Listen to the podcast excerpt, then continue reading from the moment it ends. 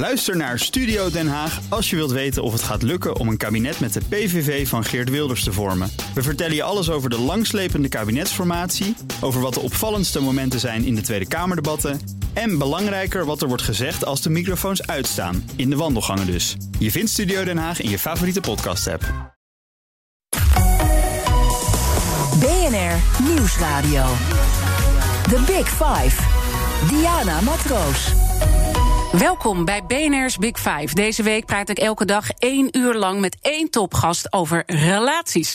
Ja, want relaties zijn in crisistijd nog belangrijker. Dan aan het begin van de coronatijd hadden we misschien met z'n allen even dat gevoel laten we oog hebben voor elkaar. Nou, is dat bezinningsmoment voorbij? Zien we de ander wel echt? Wat doen we daarmee en waarom zouden we het überhaupt moeten doen? Gisteren hoorde je al bij mij Jan Geurts. Hij is spiritueel leraar in de liefde. En hij leerde ons dat een mooie liefdesrelatie alleen mogelijk is als je van jezelf houdt en als je weet wie je bent. Dat gesprek is terug te luisteren in de BNR-app. Later deze week praat ik onder andere nog met de bekende psychiaters Dirk de Wachter en Bram Bakker. Vandaag de vrouw die meerdere NGO's oprichtte. In 2017 was zij de meest invloedrijke filantroop. En dat komt zeker ook omdat ze altijd oog heeft voor kwetsbaren, zoals mensen in armoede, laaggeletterden. En ze komt ook in actie.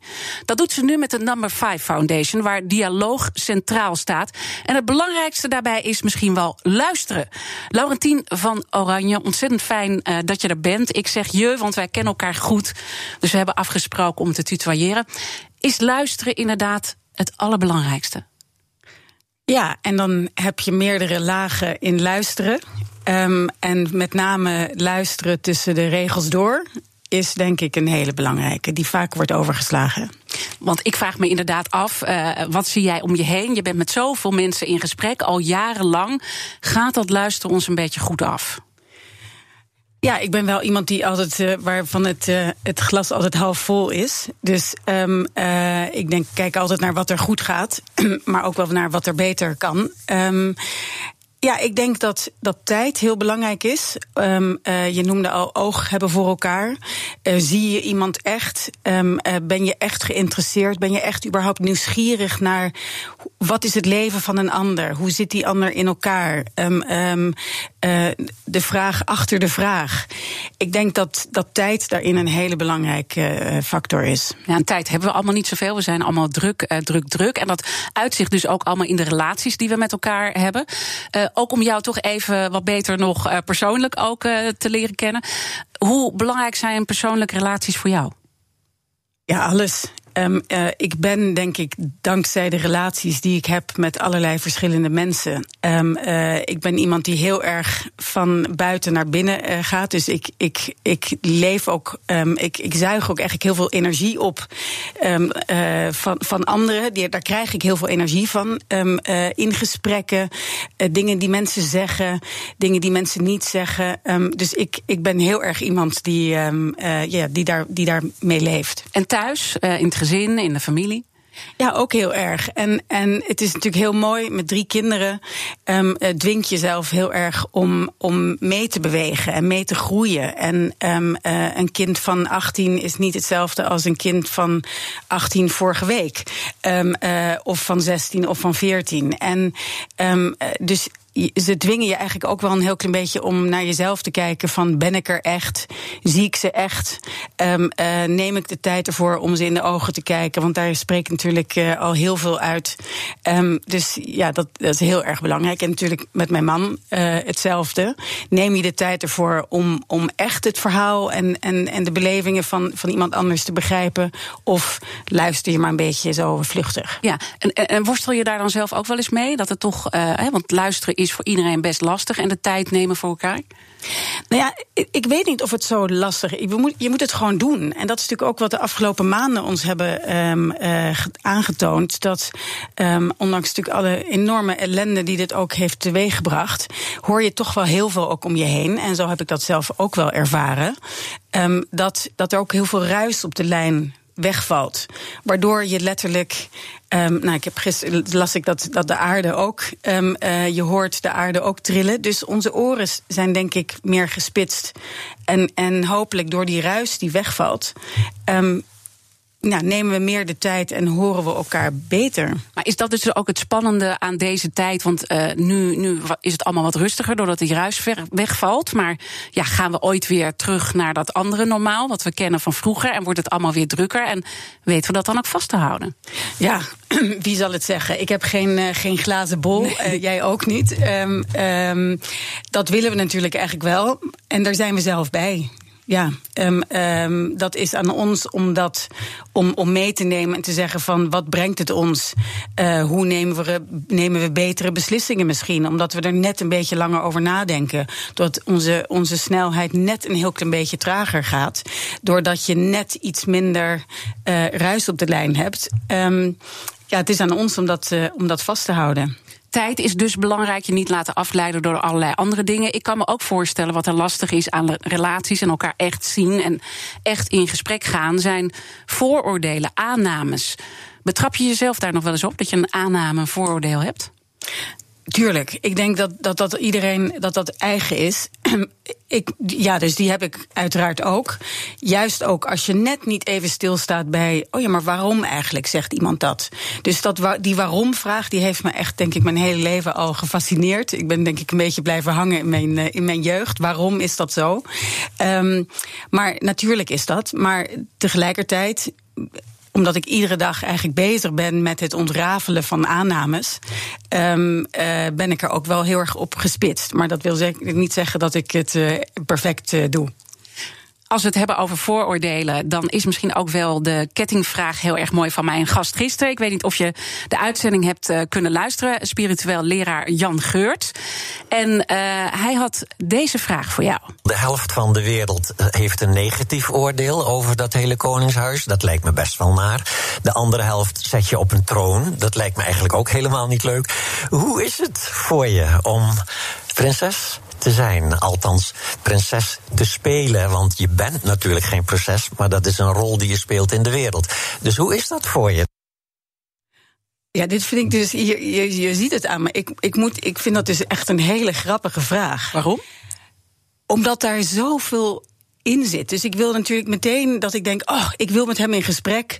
Van hoeveel aannames en gedachten zitten daarin. En een vraag achter een vraag en een in een vraag. En dus ik, ik ben natuurlijk iemand die heel erg houdt van open vragen. Dus ik word daar, ik vind het heel grappig. Um, um, want ik, ik wil met hem in gesprek. Waarover dan? Nou, alle woorden, de, de, de manier waarop hij het formuleert, zegt ook heel veel over de manier waarop wij vragen formuleren. Met, um, uh, met kleine woordjes. Um, um, uh, dat, hij, hij heeft het over dat, dat, dat hele koningshuis. Nou, dat, in dat woord hele zit natuurlijk een enorm een enorme vooroordeel en, en aanname. Dus ik wil begrijpen waar komt die fascinatie van deze vraag vandaan. En het zegt natuurlijk, denk ik, heel veel meer een vraag zegt meer over de vragensteller dan over misschien degene aan wie je de vraag dus stelt. dat moeten we ook uh, leren. Ja. Uh, wat mij opviel is ook het woord spelen. Uh, je speelt prinses. Nou, ik denk dat je daar iets anders in staat, maar dat is ook een aanname, is ook een voordeel. Ja, en, en grappig, toen ik, dat woord viel mij ook op. Um, het doet me een beetje denken aan, aan mijn zoon Klaus toen hij, ik denk een jaar of vier was. Toen hoorde hij een liedje op de radio um, over het, het leven is een theater. Toen zei hij en werd hij boos en zei hij: Wat? Het leven is geen theater. En zo voel ik dat ook. Um, je bent maar één persoon. Ik denk dat hij wel een punt heeft dat of dat nou um, uh, de titel is die ik draag of, of titels die andere mensen dragen. Um, uh, we leven rollen. En hoe verenig je nou eigenlijk jezelf, de rollen die je speelt en, en hebt? en ik vind spelen ik, spelen is een mooi woord. Uh, spelen moeten we veel meer doen, vaker doen. Maar het dragen van een verantwoordelijkheid, um, of je nou de baas bent van een bedrijf um, of andere titels hebt, dat, daar, ja, je, je geeft daar je invulling aan. Die, die hoort bij die, hoe jij vindt dat die moet ingevuld ja. worden. Maar ook vanuit de plechtigheid en, en het respect voor die rol. En nogmaals, daarin denk ik dat het niet anders is of je nou de baas van, bent van het land, van een bedrijf of, of, of een andere ja. rol. Uh, ik heb jou eerder in, geïnterviewd, ook voor televisieportret over Prins Constantijn, die natuurlijk uh, 50 uh, toen werd. We hebben het hier ook uh, over gehad. Uh, is het wel moeilijk of je nou een CEO bent hè, van een groot bedrijf of je hebt die rol uh, om daar dus in te groeien. Want je bent het ooit niet en dan ben je het wel. En daar komt een bepaalde verplichting bij. Dan moet je ook ingroeien. Absoluut. En dat is bij mij zeker ook uh, zo uh, geweest. En um, ik denk dat je ook, net als met je kinderen, moet je ook mee blijven bewegen met je rol.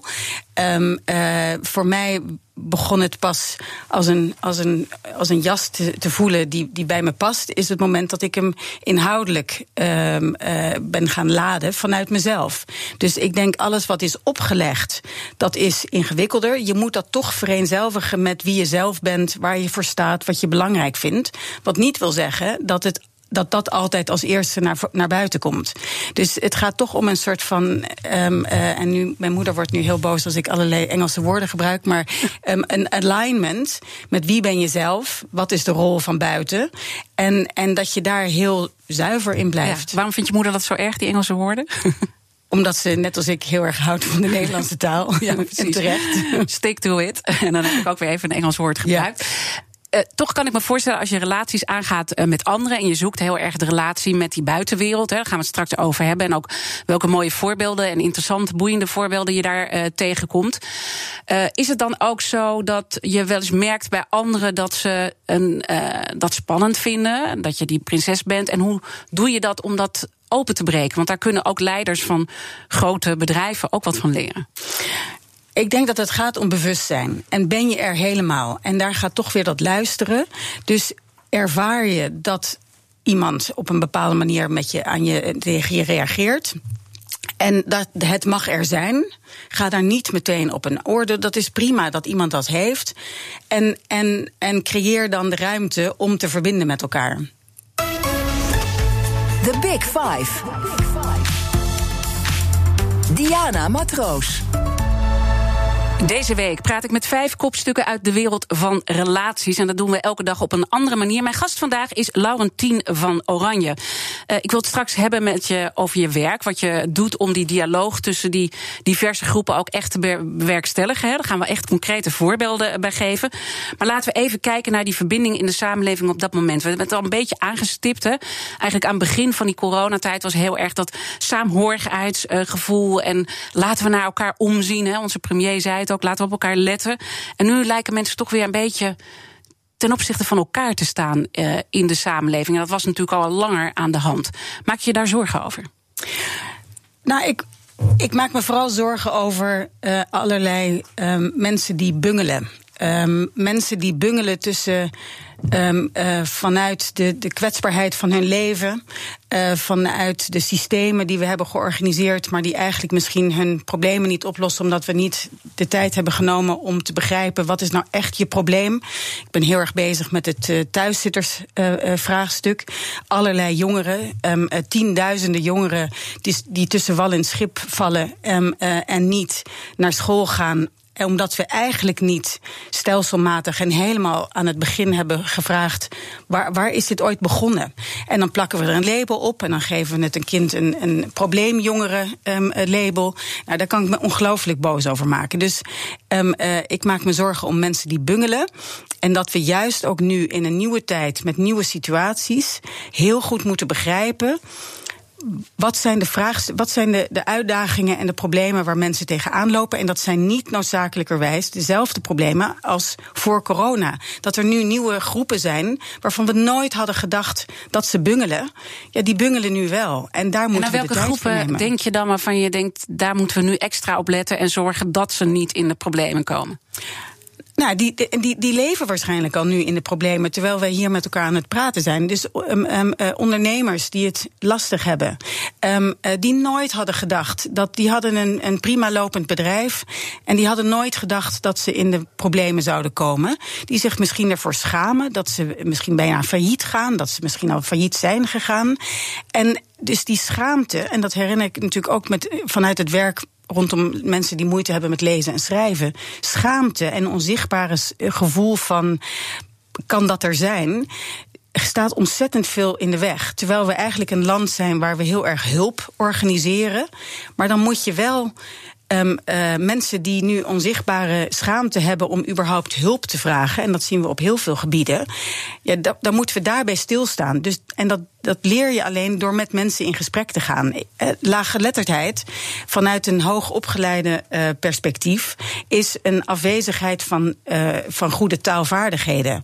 Maar als je heel veel praat, wat ik in het verleden natuurlijk en nu ook nog doe, dan gaat eigenlijk laaggeletterdheid over een gevoel van schaamte en ik doe er niet toe. Nou, dan, dat is heel erg wezenlijk voor de oplossingen die je dan vervolgens met elkaar bedenkt. Want als je dat dus eh, meer realiseert, van dat het over schaamte gaat en dat mensen het gevoel hebben, ik doe er niet toe. En ik denk dat dat bij heel veel groepen is, hè, ook mensen in armoede, die misschien ook dat gevoel hebben van schaamte en ik doe er niet toe.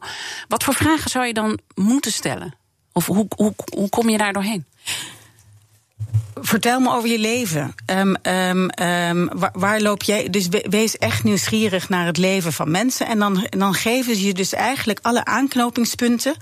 Uh, die, die vertellen en, en daar moet je dan dus heel goed naar luisteren en tussen de regels doorluisteren. Wat zegt iemand nou?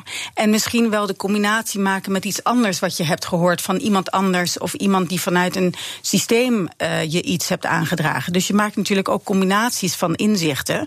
En dan langzamerhand ontrafel je en zeg je waar hebben mensen nou echt behoefte aan? En vanuit laaggeletterdheid hebben we er echt op basis van het ontrafelen van de levensverhalen van ja. honderden mensen. Hebben, eh, hebben we eigenlijk een hele nieuwe aanpak en, hebben en, en waar zit het dan in dat, uh, ja, ik, ik weet niet, hè, ik wil niet iedereen over één kam scheren, maar dat de leiders van Nederland of de mensen die daar iets aan moeten doen, uh, toch dat te weinig doorhebben dat, hoe, hoe ze dat moeten aanpakken? Wat is dat?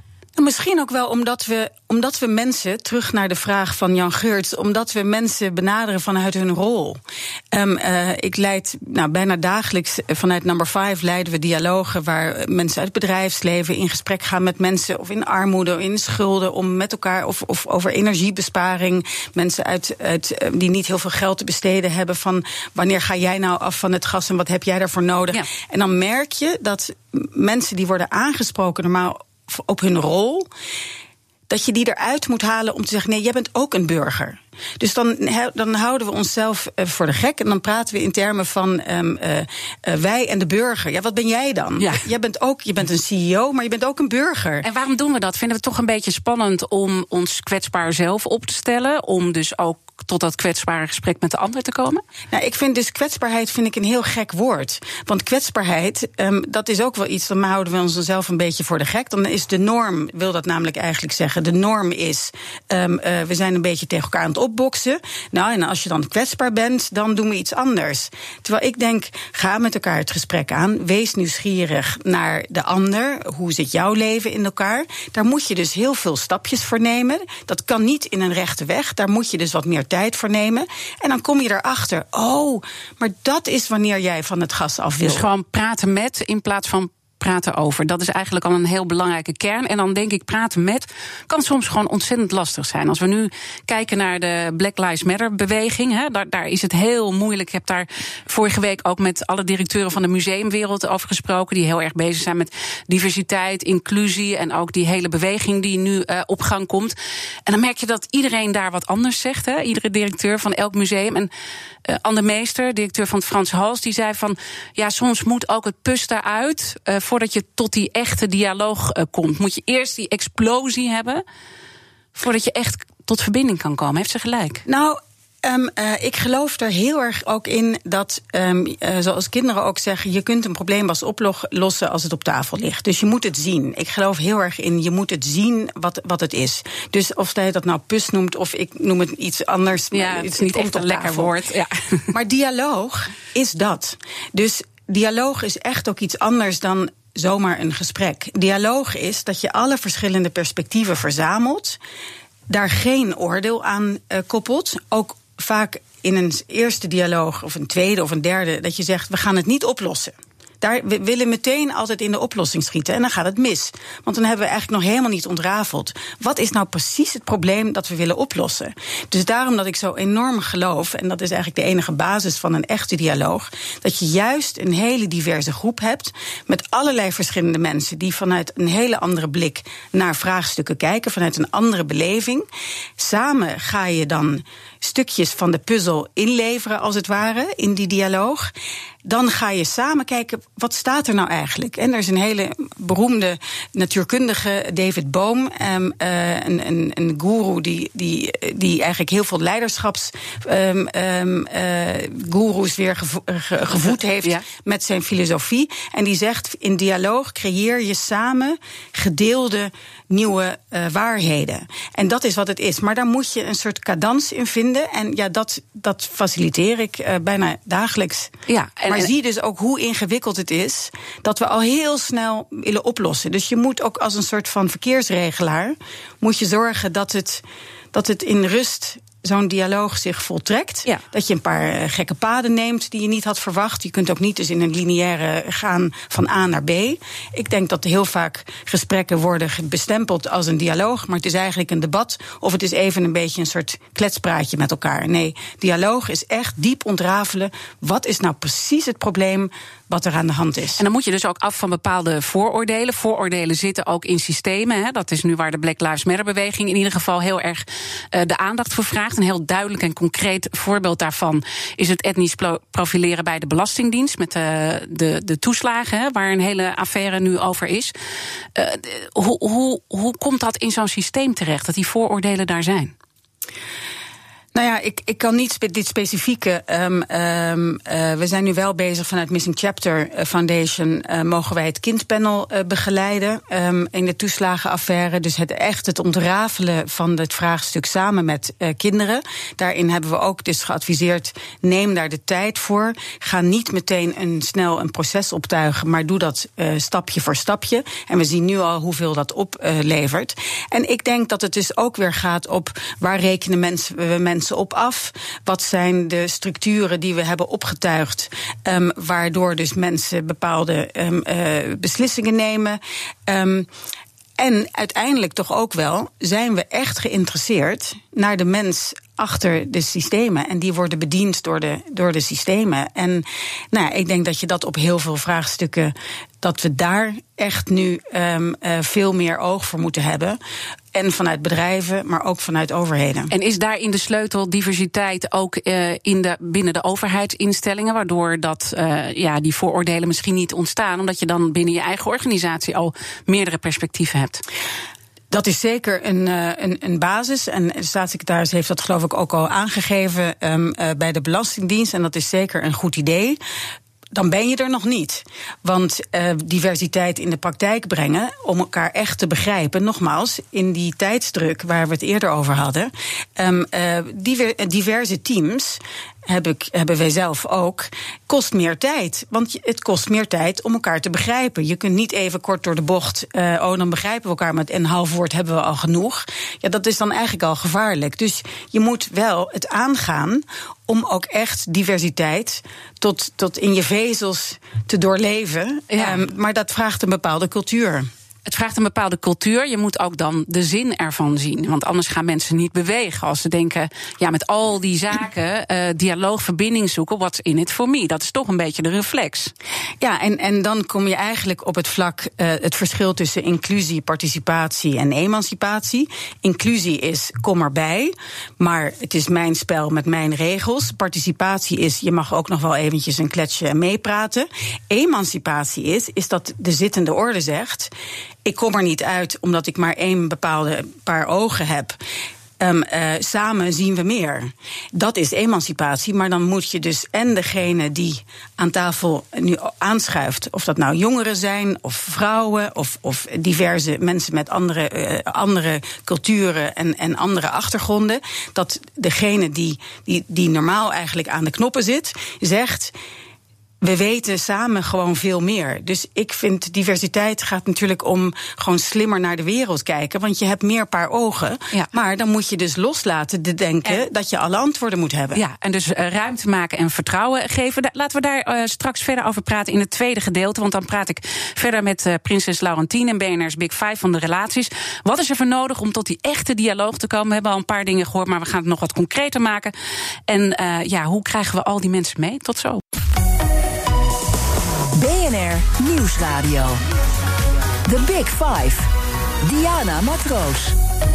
Welkom bij het tweede half uur van BNR's Big Five. Fijn dat je weer luistert. Deze week praat ik met vijf kopstukken uit de wereld van relaties. Mijn gast vandaag is Laurentien van Oranje. Zij is de oprichter van de Number 5 Foundation. En daar draait het allemaal om sociale innovatie, maatschappelijke vraagstukken. Denk aan armoede, denk aan schuldenproblematiek, eh, denk aan eenzaamheid. Eh, dat zijn zo wat uh, zaken waar je mee bezig bent. nogmaals, we tutoyeren omdat we elkaar ook goed kennen. Hebben dat zo afgesproken afgesproken voor de mensen die nu net uh, inschakelen. welke spelers breng je bij elkaar in die nummer 5? Eigenlijk alle verschillende perspectieven die nodig zijn om een vraagstuk te ontrafelen. Um, allereerst de mensen om wie het gaat. Um, als het gaat om uh, armoede, mensen die weten wat het is om in armoede te leven. Um, schulden hetzelfde. Mensen, dat heb ik natuurlijk eigenlijk ook al twintig jaar gedaan rondom laaggeletterdheid en mensen die moeite hebben met lezen en schrijven. En zij zijn ook altijd de bron geweest van uh, kennis en blijven dat ook. Dus ieder levensverhaal geeft je net weer andere aanknopingspunten om te begrijpen waar zit het hem nou, uh, dit vraagstuk. Hè? Je ja. noemt eenzaamheid. Um, vorig jaar heb ik een reportage mogen maken uh, over eenzaamheid en heb met allerlei mensen gesproken die zich eenzaam voelen. En dan denk je al heel snel: eenzaamheid is um, alleen zijn. En dat is iets anders dan je eenzaam voelen. Dus mensen, en dan gaat het dus veel dieper. Dus de definitie van het vraagstuk is echt wel heel belangrijk om dat vanuit verschillende perspectieven te ontrafelen. Dus dat kunnen mensen zijn, wetenschappers uit het bedrijfsleven, uit de overheid die beleid maken, um, uh, NGO's die oplossingen hebben. Maar met name, en die wordt eigenlijk altijd vergeten, het perspectief van de mensen om wie het gaat. En hoe vind jij die mensen? Want uh, jij leeft natuurlijk uh, niet in die wereld waar schuldenproblematiek een rol speelt of waar eenzaamheid een rol speelt. Trouwens, dat is ook weer een aanname van mij mij. Maar hè, dat, dat, uh, hoe vind je die mensen? Nou ja, ik kom zo terug op die aanname. Um, uh, je, die vind je doordat je. Ik, dat een, bij nummer 5 uh, en bij Missing Chapter eigenlijk ook altijd. maar zeker ook bij nummer 5 hebben een heel divers team. Die allemaal weer eigen inzichten inbrengen en eigen netwerken hebben. Dus dat is ook. Dus het brengt ook heel veel voor om je team op die manier uh, samen te stellen. En ik zou dat ook iedereen aanbevelen. Um, heb hele diverse teams. Omdat je gewoon allerlei werelden ontsluit en eigenlijk bij je organisatie naar binnen brengt. Um, um, uh, en, en ja, zo'n aanname, dat is denk ik ook echt weer die onzichtbaarheid van waar mensen mee kampen. Het is een aanname dat in bedrijven um, uh, geen mensen werken met schulden. Um, we werkten een keertje een raad van kinderen bij een bank. Uh, en toen vroegen de kinderen aan de, aan de raad van bestuur: hoeveel mensen werken er eigenlijk bij jullie die in schulden zitten? Terwijl jullie nu het schuldenvraagstuk proberen op te lossen. Nou, het schaamrood stond op de kaken. Uh, want toen zei de raad van bestuur nooit over nagedacht dat dat ook mensen zijn die bij ons werken. Ja. ja dus dat soort aannames moet je natuurlijk altijd doorbreken. En dan. Uh, heb je die aanname doorbroken. En het zit dus in de goede vraag stellen. Want het gaat niet over uh, wie is er eenzaam, maar wie voelt zich eenzaam. Want sommige mensen kunnen misschien heel fijn vinden om alleen te zijn. Nou, het begint eigenlijk al met een open vraag. Als je aan, nou ja, noem, vul het vraagstuk maar in. Als je daar en daar aan denkt, Waar denk je aan? Als je dat in een diverse groep uh, gooit als openingsvraag. En dat heb ik in tien jaar geleerd om dat ook op die manier vanuit Raad van Kinderen zo te ontrafelen. Dan krijg je dus als eerste, heeft iedereen daar een ander antwoord op. Nou, dat brengt al ongelooflijk veel inzicht. Daar moet je dus even de tijd voor nemen, maar dat gaat eigenlijk best wel snel. Dat je zegt: Oh, oké, zo divers is dat vraagstuk al. Dus je begint met een hele grote berg met enorm veel puzzelstukjes. En dan langzamerhand ga je daar patronen in herkennen. En ga je kijken van, oh, dit is dus wat het is. Maar dat vraagt hem dus om te beginnen met een vraag en niet met te beginnen met, een stelling eigenlijk. Een, stelling. Ik ben helemaal niet van die stellingen. Denk debat. ja, hm.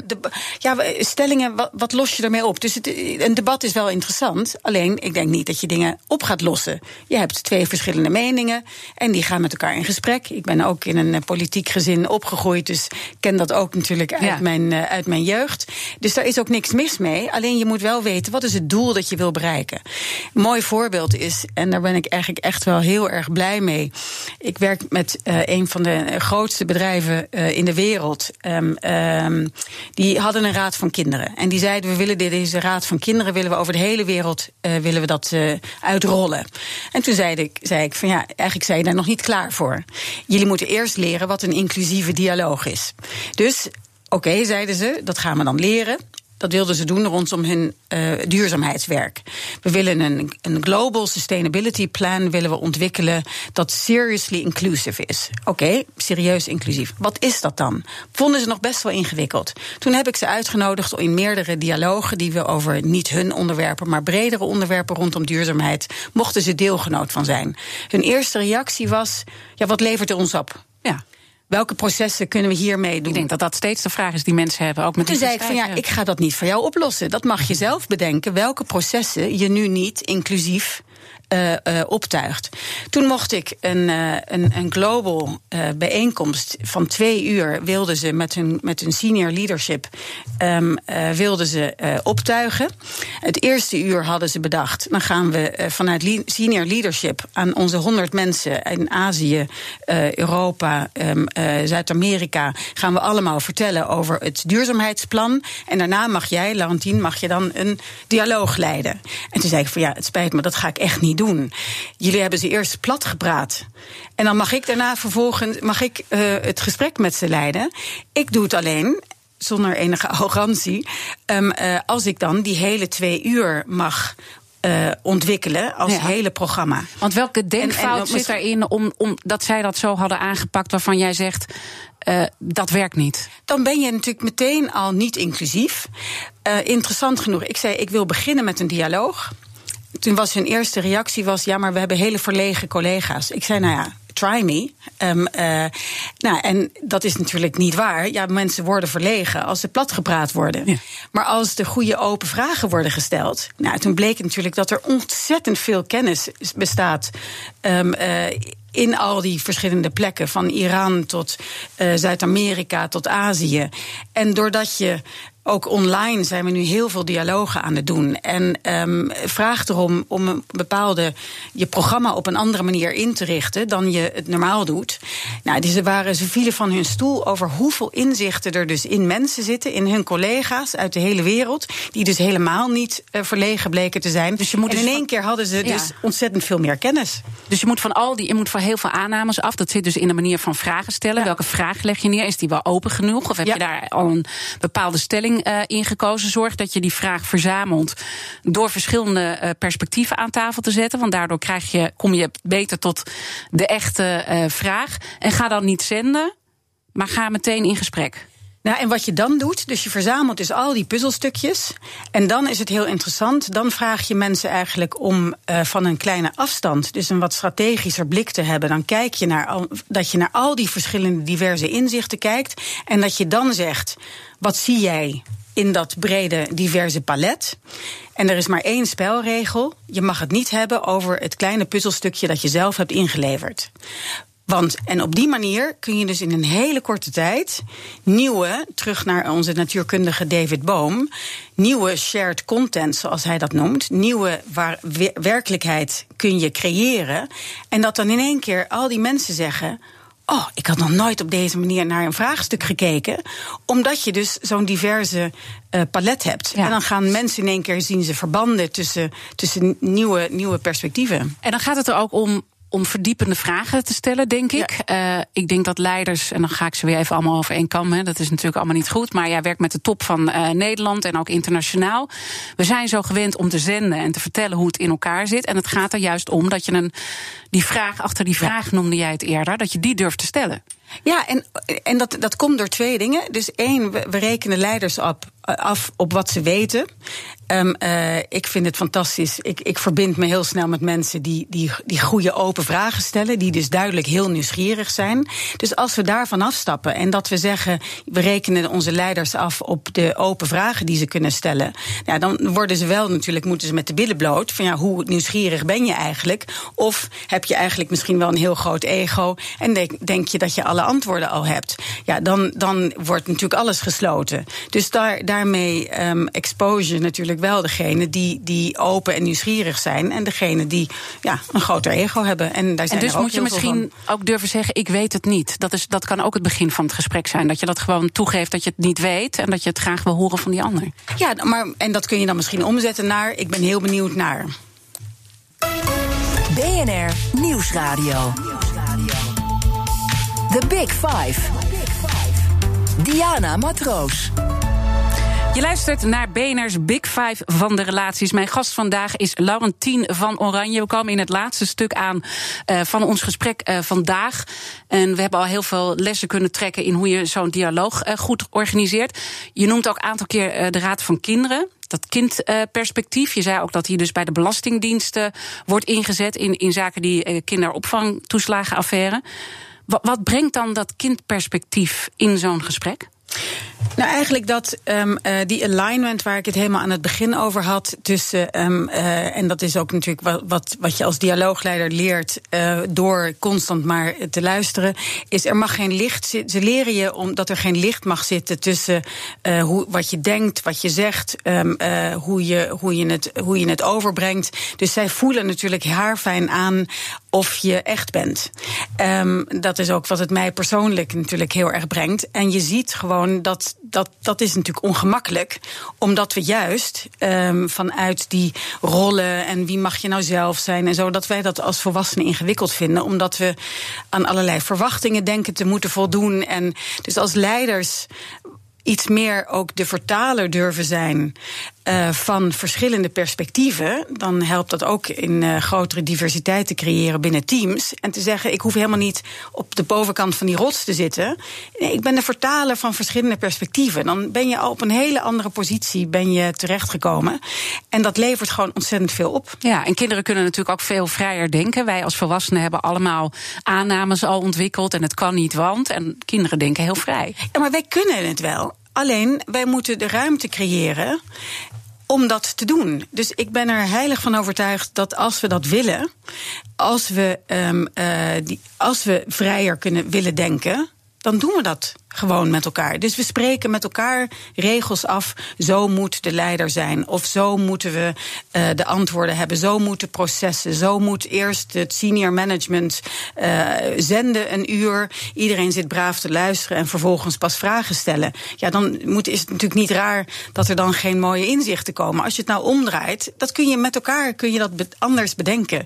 Dus ik ben heel erg van uh, je maakt je eigen tekening. Ja. En, en durf om te draaien. Dat ja, is eigenlijk wat je zit niet zo vast in dat moeten, moeten, moeten. Want we moeten allemaal uh, zoveel. En dat uh, brengt eigenlijk de creativiteit, maakt dat totaal uh, stuk. Nou, en interessant genoeg, het is eigenlijk ook heel veel efficiënter om het op deze manier te doen. Als je aan de voorkant meer diverse perspectieven verzamelt dan lijkt het als je die vertraging aan de voorkant. Dat, dat dat dan vertraagt in het proces, want we hebben haast, haast, haast. Maar als je aan de voorkant echt goed de tijd neemt om te ontrafelen wat is nou echt precies het probleem dat we moeten oplossen, dan levert je het vervolgens een veel uh, eenduidiger en sneller en helderder proces op. Dus het is ook nog gewoon economisch heel slim op het op deze manier in te ja. richten.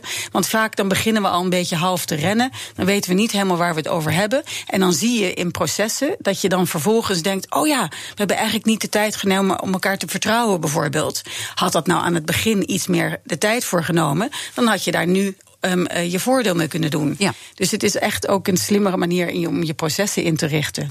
En hoe zorg je dat er dan echt actie komt? Hè? Want dan heb je zo'n advies van zo'n raad van kinderen. Of uh, je gaat met volwassenen een dialoog onderling uh, organiseren. Je doet dat allemaal volgens de speelregels. Zoals jij ze net schetst. En die aannames heb je er zoveel mogelijk uit weten te halen. Gaat dat dan ook echt voor actie zorgen? Of wordt het gewoon leuk praten met elkaar? Nee, nee? dat is natuurlijk. Dialoog is echt niet zomaar een gesprek. Dialoog is een, eigenlijk een heel proces. Want je maakt iedere keer kleine stapjes. Dit gaat allemaal over um, uh, van. van een, een breed vraagstuk naar wat is nou precies wat we moeten oplossen en dan daadwerkelijk de verschillende interventies. Alleen wat er gebeurt is dat we natuurlijk heel vaak interventies en oplossingen bedenken die eigenlijk helemaal besides the point zijn, omdat we niet, omdat we helemaal niet hebben stilgestaan. Ja, wat is nou eigenlijk precies het probleem dat we proberen op te lossen? Dus daarom dat je aan de voorkant de tijd moet nemen om te begrijpen: gaat laaggeletterdheid nou over het oplossen van een taalachterstand? Of moet je je interventies organiseren omdat mensen uh, onzichtbare schaamte hebben? En is dat de eerste stap? Nou, dan ga je hele andere dingen bedenken. Ja. Bij de eerste creëer je alleen maar taalhuizen en dan ga je mensen heel hard duwen naar die taalhuizen. En bij de tweede ga je het de lessen organiseren dichter bij de mensen uh, om wie het Ja. gaat. En bij eenzaamheid is vaak de reflex: laten we dan kopjes koffie organiseren. Ja, en maar dan los je eigenlijk het probleem niet op. Want het gaat over een dieper gevoel van ik, ik doe er niet toe. En, ehm, en niemand zit op mij te wachten. Dan moet je andere dingen organiseren om dat diepere probleem op te lossen. Mm. En zo is eigenlijk mijn dag gevuld met al die vraagstukken. Eh, kinderarmoede is hetzelfde. Ehm, ehm, dat is niet alleen maar eh, geld wat er niet is, maar dat gaat eigenlijk ook om een dieper gevoel van stigmatisering. Maar wat doen we? We verzinnen toch wel allerlei eh, interventies die heel erg stigmatiserend werken. Ja, dus daarom dat het eh, thuiszittersvraagstuk precies hetzelfde. Ja. Daar liggen diepere redenen die we met elkaar moeten begrijpen. En dan vervolgens kun je echt de oplossingen beter ontwikkelen. Want als je kijkt naar de leiders van Nederland, hè, we gaan op een gegeven moment ook weer richting die Tweede Kamerverkiezingen. We zien een heel gepolariseerd debat nu op dit moment.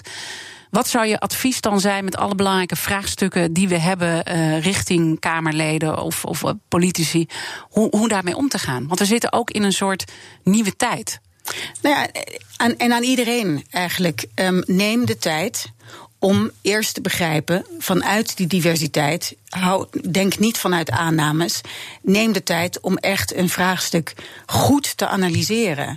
En ehm, nou ja, ik denk op allerlei gebieden is dat denk ik waar het, waarom ja, wij nu vaak ook dingen als het schuldenvraagstuk bijvoorbeeld. Ehm, eh, dat, ik herinner me een avond met, met eh, allerlei CEO's die in, waterbedrijven, eh, energiebedrijven zitten, die mensen hebben die hun rekening niet, klanten hebben die hun rekening niet kunnen betalen. En die zich heel goed realiseren dat zij ook een verantwoordelijkheid hebben om te zorgen dat deze mensen niet verder in de problemen komen. Nou, die hadden nog nooit gepraat met mensen terwijl ze duizenden klanten hebben die problemen hebben met het betalen van hun rekeningen. Dat begint ermee dat je begrijpt. Wat speelt er in de Ja, levens het van is deze eigenlijk mensen? zo simpel. Hè? En mensen slaan dus blijkbaar Maar die analysefase, we zijn natuurlijk als Nederlanders, we zijn snel in de actie. Dat is ook heel erg mooi. We zijn een dynamisch land. Ehm, ehm, maar dat het gevaar daarin is dat we te snel en te kort door de bocht gaan. Dat we niet eerst analyseren, want we zeggen nee, we moeten meteen in actie komen. Doe dat wel en je zult zien, en doe dat met een diverse groep. Dus alle ivoren torens moeten allemaal uit de torens en, en, en in de samenleving gaan praten. En tuig dan een proces op, want dat is echt cruciaal. Dat het dus niet een kletsje is, want dat denken we vaak bij dialoog. We denken dat is even een beetje Even praten met elkaar. met, het is, eh, heel, of- het is ja. heel verdiepend en heel intensief. En daar zit een proces achter. Je kan natuurlijk nooit één dialoog. Met één dialoog, dan heb je maar één stapje gemaakt. Maar heb je wel eens dat je bij mensen denkt van, ah, kom op. Dat je moedeloos wordt van wat je ziet gebeuren in zo'n gesprek. Nou ja, dat is weer, wel weer mooi. Dat we denken dan altijd als mensen eh, bijvoorbeeld die aannames. eh, zie ook het als een. Het klinkt een beetje als een open deur, maar zie ook als een cadeau. Als bijvoorbeeld mensen. We denken al heel snel als er wrijving komt in een gesprek. Vinden we heel ingewikkeld. ehm, dan is het gesprek mislukt. Nee, ik denk dat is altijd juist een, een cadeau. Nou, dan komt eigenlijk, eh, komen, de, komen de problemen op tafel. Laat dat maar een beetje eh eh, kledderen met elkaar. Ehm, want dan zie je echt, oh, maar wacht eens even, dit is waar de gevoeligheden zitten. Laat dat maar naar boven komen. Dat is ook wat je in dialoog doet. Morgen heb ik weer een nieuwe gast en dat is psychiater Bram Bakker. En de kettingvraag gaat natuurlijk door. Welke vraag zou je aan hem willen stellen? Ik zou hem aan hem willen stellen. Eh, de vraag eh, hoe, je blijft, hoe je goed blijft luisteren als je denkt dat je ervan wordt, dat er van je van. Ik ga hem nog een keer stellen. Ja. Eh, hij is natuurlijk een expert. En daar zijn de verwachtingen hoog. Hij moet het allemaal weten. Dus mijn vraag zou zijn: hoe blijf je goed luisteren als je denkt dat er van je wordt verwacht dat je alle antwoorden hebt? En dit komt uit een, uh, een uh, paar dialogen die ik met kinderen heb gehad om leiderschap te ontrafelen. En toen kwamen ze met de mooie gedachten langzamerhand. En ze zeiden: leiderschap is leren los te laten, te denken altijd de beste te moeten zijn. Leiderschap is leren loslaten, te denken altijd de beste te moeten zijn. Met andere woorden, uh, blijf vragen stellen en uh, ga niet leven altijd naar de verwachtingen van je moet het antwoord hebben, maar ga gewoon vragen stellen en leer te luisteren. En dat is weer een hele belangrijke les als het om die uh, dialogen gaat. Waarom is dit zo belangrijk voor jou? Wat is jouw persoonlijke drijfveer om je hier zo voor in te zetten, al jarenlang? Ik denk, langzamerhand ben ik me gaan realiseren dat het, denk ik, terugkomt, teruggaat naar mijn jeugd. Ik ben opgegroeid met ouders uh, die eigenlijk het belangrijkste waarde was en is: um, een mens is een mens. Dus ik ben opgegroeid vanuit die gelijkwaardigheid. Um, uh, en heb dus altijd ook mensen op die manier gezien. Uh, wie ze ook zijn, waar ze ook vandaan komt. En heb, is dat, ook, dat is mij voorgeleefd ook door mijn ouders. En um, ja, dat is natuurlijk eigenlijk de, dat is wel de randvoorwaarde uh, van een diep gevoel van gelijkwaardigheid. Uh, als, je, als je zo met dialoog bezig bent. En, en is het ook je bevoorrechte positie? Dat je realiseert dat dat niet voor iedereen zo is en dat je daarom dat wil Absoluut. oplossen? Heb ik ook heel erg meegekregen vanuit mijn, uh, vanuit mijn jeugd. En, maar ik ben ook iemand van actie. Want nogmaals, een beetje praten, dat is, is niet. Um, uh, en laat dat niet de gedachte zijn over dialoog. Dialoog is niet vrijblijvend. Het schept uh, randvoorwaarden om de goede acties te nemen. Om dingen ook wel echt structureel en systemisch op te lossen. Want dat is wel waar ik uiteindelijk voor ga het kan toch niet waar zijn dat we bijvoorbeeld duizenden kinderen laten bungelen en het thuiszittersvraagstuk niet oplossen. Het kan toch niet waar zijn dat we met elkaar accepteren dat er 400.000 kinderen in armoede leven.